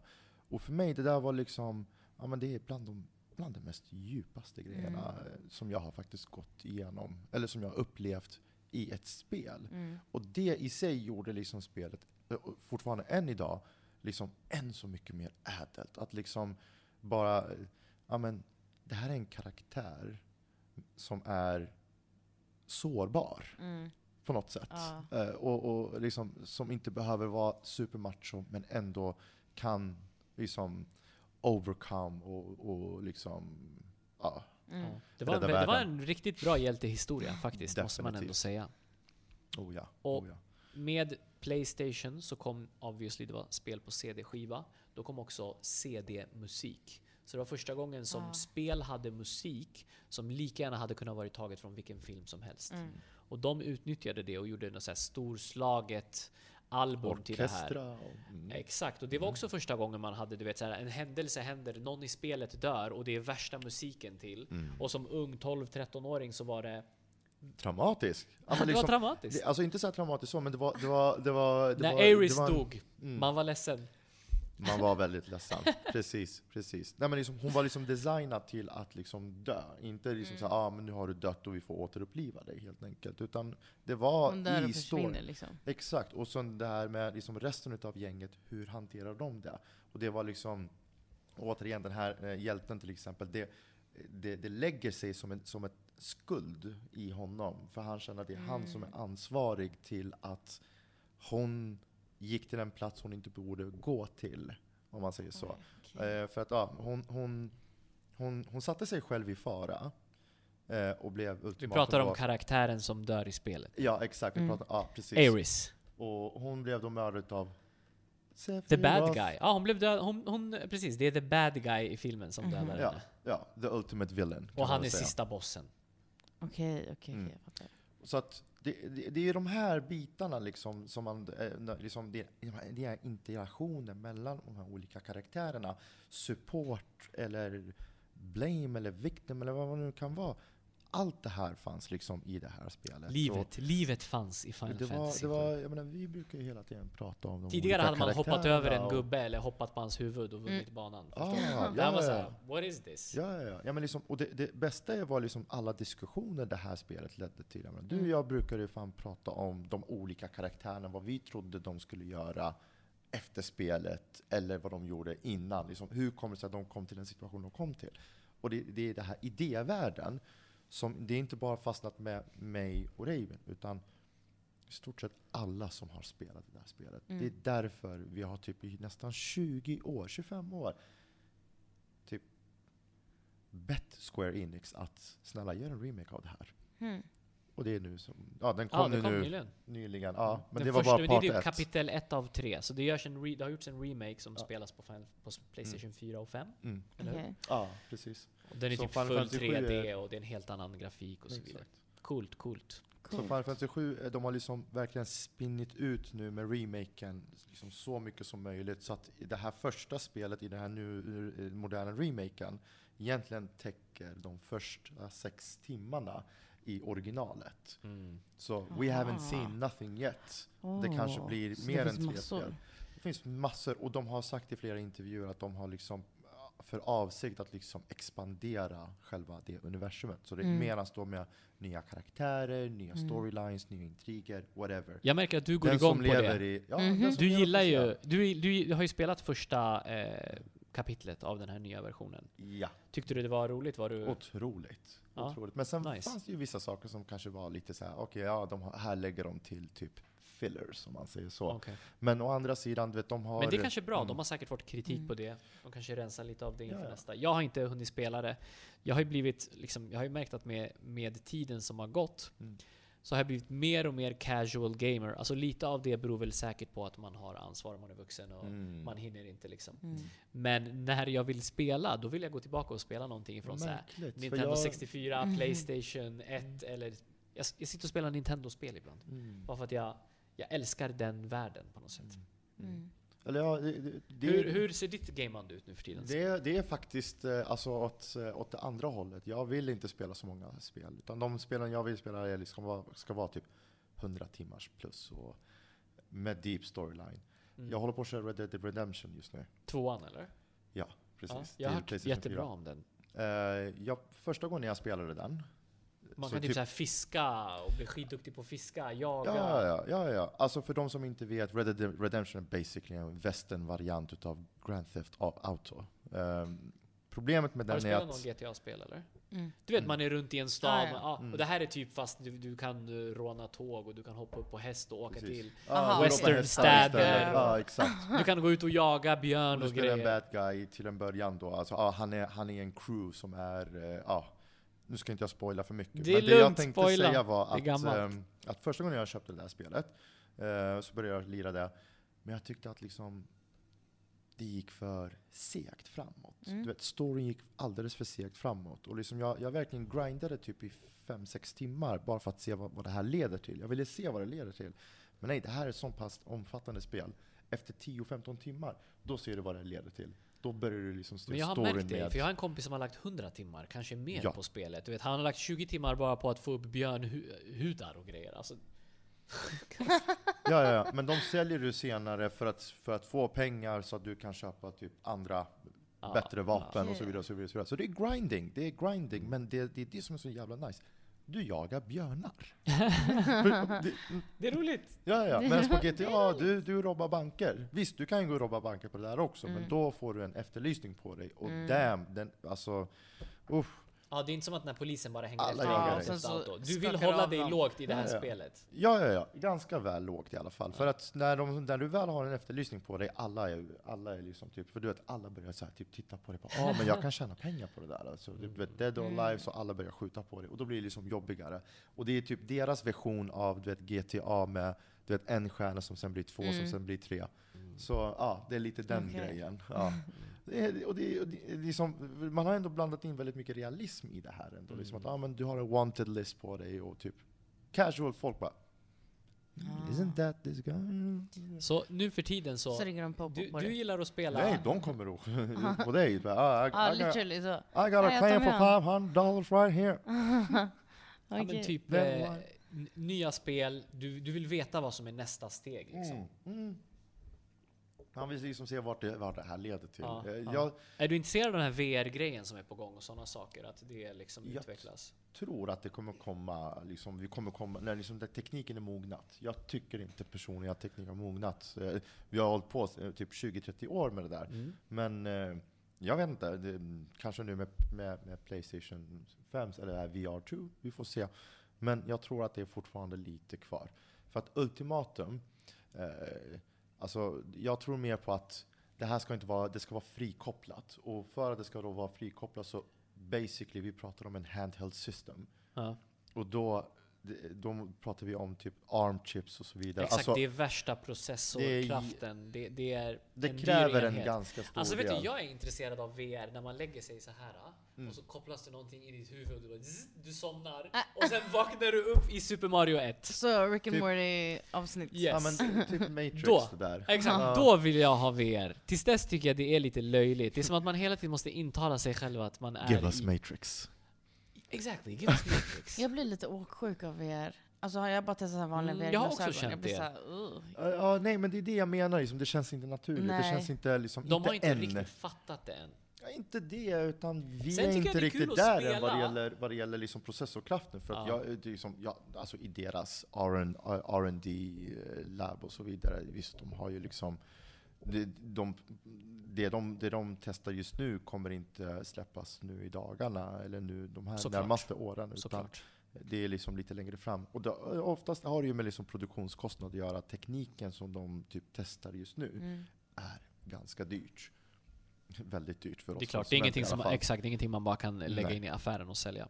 Ja, ja precis. Ja, men det, Okej, så intressant. Så, Så- för mig, jag är lite casual gamer. Ibland går jag down så här, memory lane, spelar lite gamla spel. Det är, typ, Mm. det är typ där jag har det. Men sen har jag också kommit in lite grann på Skyrim och Witcher 3 är ett grymt bra spel.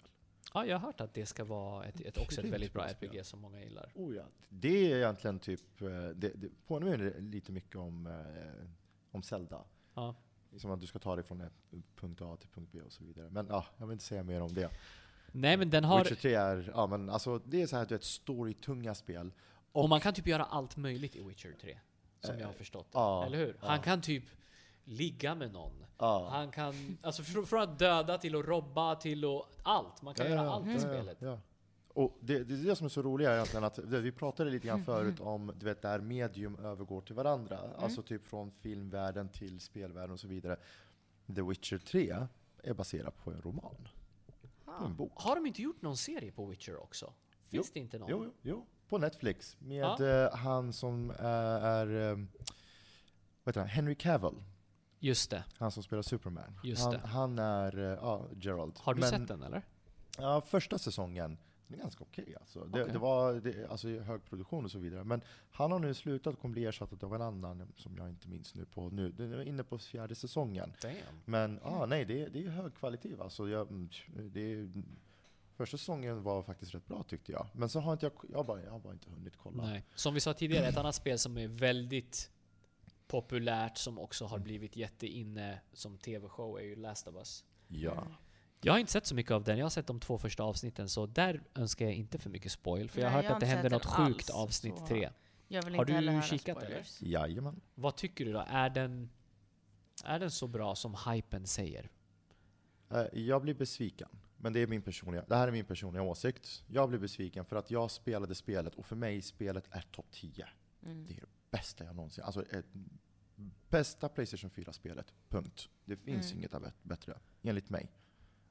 Det, vi pratade väl- väldigt mycket om du vet, känslor och, och stories och så vidare. Mm. Ni såg första avsnittet.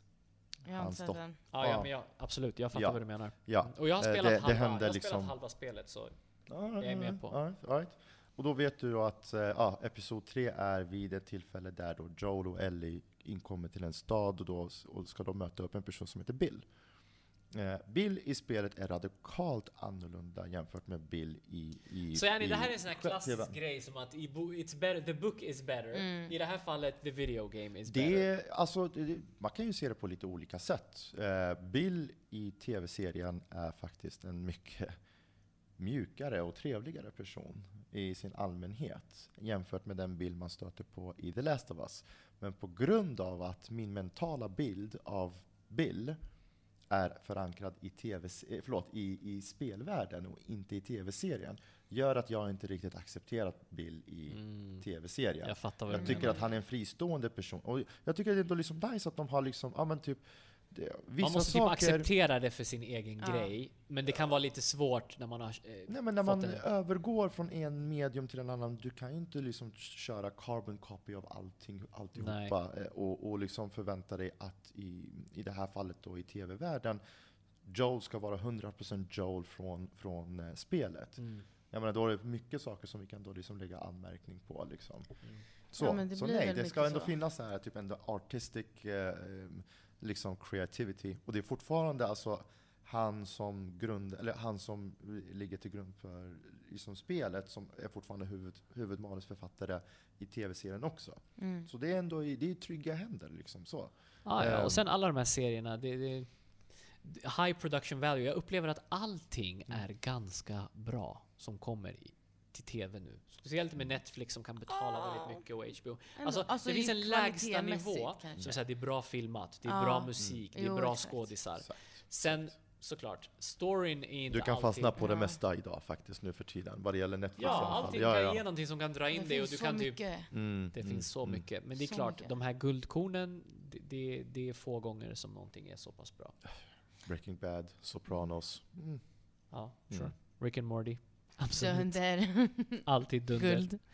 Men du har ju också eh, varit gamer Tina genom ditt liv. Jag menar, jag tror att ni, Mm. de fick en, ni fick en hackad Ninten- Nintendo DS. Ah, Ja. nice! Av Ett mig. så här, vi De fick hade ett chip. ett chip, Ah, den exakt. där, Vi hade eh, två 200 DS. spel. Fyra- Exakt Ja. R4. Mm. Så vi hade två stycken Nintendo Nice. DS. Jag hade en och min lillebror hade en. Mm. Eller vår lillebror hade en. Ehm, och sen så fick vi det här chippet då. Mm. Som, Var, det typ, var det det första spel? Eller vad hade ni innan det? Vad var ert första tv-spel som ni fick? hem? ehm, det var nog det. Jag tror nog det. Det var nog Vadå? det. Förlåt? Alltså Nintendo, Nintendo DS. tror jag var deras första liksom, Ja, men vad, konsol. vad var din första spel till Nintendo DS? Men hon fick Nej, 200 alltså, jag spel. fick 200 spel. Det finns ingen första spel, det här är nya generationen. Men Men jag 200 direkt. Alltså, en, spelade- enda kort, enda spel... eh, Ja, men ja. jag tror att jag fick, jag hade Super Mario Bros tror jag jag hade. Mm. Mm. Det var Neo nog bland Super de Mario första. Bros är ju Ja. fantastiskt bra. Jättebra. Mm. Det, det var kul. Ehm, men jag tyckte det var jättesvårt. Darin var bra på det, vår lillebror. Mm. Han var alltid grym och jag satt alltid och var så här. Jaha. Så, men jag gillade Mario, jag tyckte Mario var jättekul. Jag spelade Mario Party på DS tror jag. Mm. Jag är ganska säker på att det, det fanns. Jag tror det fanns. Det Ja, Ja, flera ja. Mario Partys. Ja, ja, Eller ja. hur? Men alltså Visst Mario? Party, de släpper alltid tre Mario Partys till varenda konsol hela tiden. Ja, och gör de blir. Mm. Mindre och det och enda, mindre bra. En, de blir mindre och mindre bra. Mm. Det enda tillfället som jag tycker Mario Party är kul att spela, det är typ som ett, ja men innan man går ut och ska festa. Alltså man har det som en förspel, alltså vet du det? Förspel! Ja, nu sa jag det fel. Mamma, vad ska vi göra ikväll gumman? Vill du spela lite Super Mario Party eller? Förfest, när man har förfest. 100% Ja. dunder förfest. Eller Ja. om man, om man är typ, går alltid hem. om man är borta vid någon stuga, man ska hänga några dagar, Man måste Eller ha man tid. har ett häng, man har eh, umgåtts och sen är man såhär, låt oss gimma lite. Ja. För att man behöver inte spela hela tiden, man Nej, kan bara lägga nej. ifrån kontrollen en stund. Exakt. Men det är så här väldigt, väldigt roligt casual Jättekul. multiplayer-spel. Ja. Absolut. Ja, men, absolut. men alltså, jag tycker ändå de har steppat upp sitt game. Jag Mm. tycker Mario Party var fett bra till eh, Nintendo GameCube. Mm. Jag brukar mm. spela de varianterna. Typ när jag hade kompisar Ja. över, då spelade vi GameCube. Mario Party 6 är skitbra, Mario Party 7 är också dunder. Mitt favorit är Mario Party 8. Alltså det är, Ah. jag älskar Mario Party 8. Är det till Wii eller? Ja, till Wii. Den är jättebra. Jag har Mario Party 10... 10 10 till eh, Wii 10, U jag kanske. Har, ja, jag har 10. Inte jättebra. Haft, nej, inte Men bra. de till Switch är fett roliga. De Ja. har jag inte Mm. spelat faktiskt. Båda är dunder. De har jag Eh, inte en kört. polare till mig har dem och det har faktiskt väckt tillbaka eh, hela Ah, Mario kul. Party-andan. Det senaste Nice. Mario Party, det som är bra med det, är att de har tagit bort alla stunder emellan. Där, du vet, du får en stjärna. Okej, okej, Du okej. måste vänta 15 sekunder på din stjärna. Men Den senaste Mario Party, då är det så Mm. här, allting går snabbt. Så att det är fokuserat Ah. på gaming. Ah. Så alla går till sin kul. enhet, de får pengar snabbt, det blir en minigame. Ja, ja, ja. Inte massa bullshit. Och, och du kör... Vänta på nästa... Ja, ja. och minigamet, du tränar för minigamet i rutan du är i. Förstår du? Så du behöver inte göra ett test minigame. Ah. Utan du är redan i minigame, då kan du testa innan du går in. Okej. Så allting är är effektiviserat för att det ska vara... Ja, man ska kunna hinna få in mer spel på... Ja, de har säkert lyssnat Ja, och alltså- tagit till sig mycket Ja, av det feedback. De har gjort det riktigt bra faktiskt. Mm, nice. Ja, för Mario Party 10, den är på Wii U. Den är inte så bra Jag tror det är sett som en av de sämsta. den är, den, är, jä- alltså, den är inte alls bra. Vi var så besvikna när vi köpte den. Alla sitter i en och samma bil och du, går, du är liksom en unit. Alltså det är inte, man är inte olika på olika platser på banan. Man åker i samma bil. Det suger ju. och du ska ta dig till slutet och sen så finns det en liksom eh, bana av det där du spelar mot Bowser. Och då är det den som har den här uh, Wii U-plattan som spelar Bowser. Och så ska du, alla får köra en gång var, så det är fem tärningar. Och så har Bowser fem stycken tärningar. Och så ska han försöka komma ikapp. Och kommer han ikapp då... Då gör han Bowser horhus. Ja, exakt. Och då är man liksom fyra mot en. Alltså typ så. Eller om Ja. jag kör, alltså förstår du? Det är liksom... Det låter Det är inte alla mot alla, det är inte lika roligt. Och det är jättelite av spelet, det är typ 4-5 banor bara. Mario Party 8, alltså ja, nej det är så bra, det är så bra. Jag och eh, Darin hade ett Wii. Mm. Klassiska liksom Wii. Ehm, och sen så ville mina föräldrar att vi skulle sälja det, för att vi använder det inte längre. Och då sålde vi Wiiet tillsammans med alla våra spel. Vi hade jättemånga spel. Vi så här lämnade in det på någon så här GameStop och vi fick typ 500 kronor för det. Åh. Alltså vi gick som back. Och jag och Darin spenderade år efter att försöka få tillbaka Mario Party 8.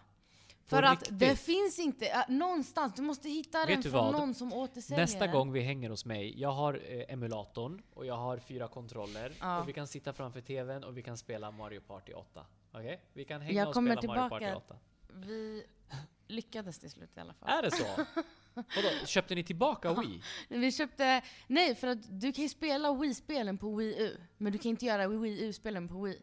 Så vi köpte eh, från någon så här, jag vet inte hur vi fick tag på det, vi letade, till slut hittade vi någon. Och eftersom att det är ett bra spel och den finns där nå- någonstans så de var fett dyra på vissa ställen.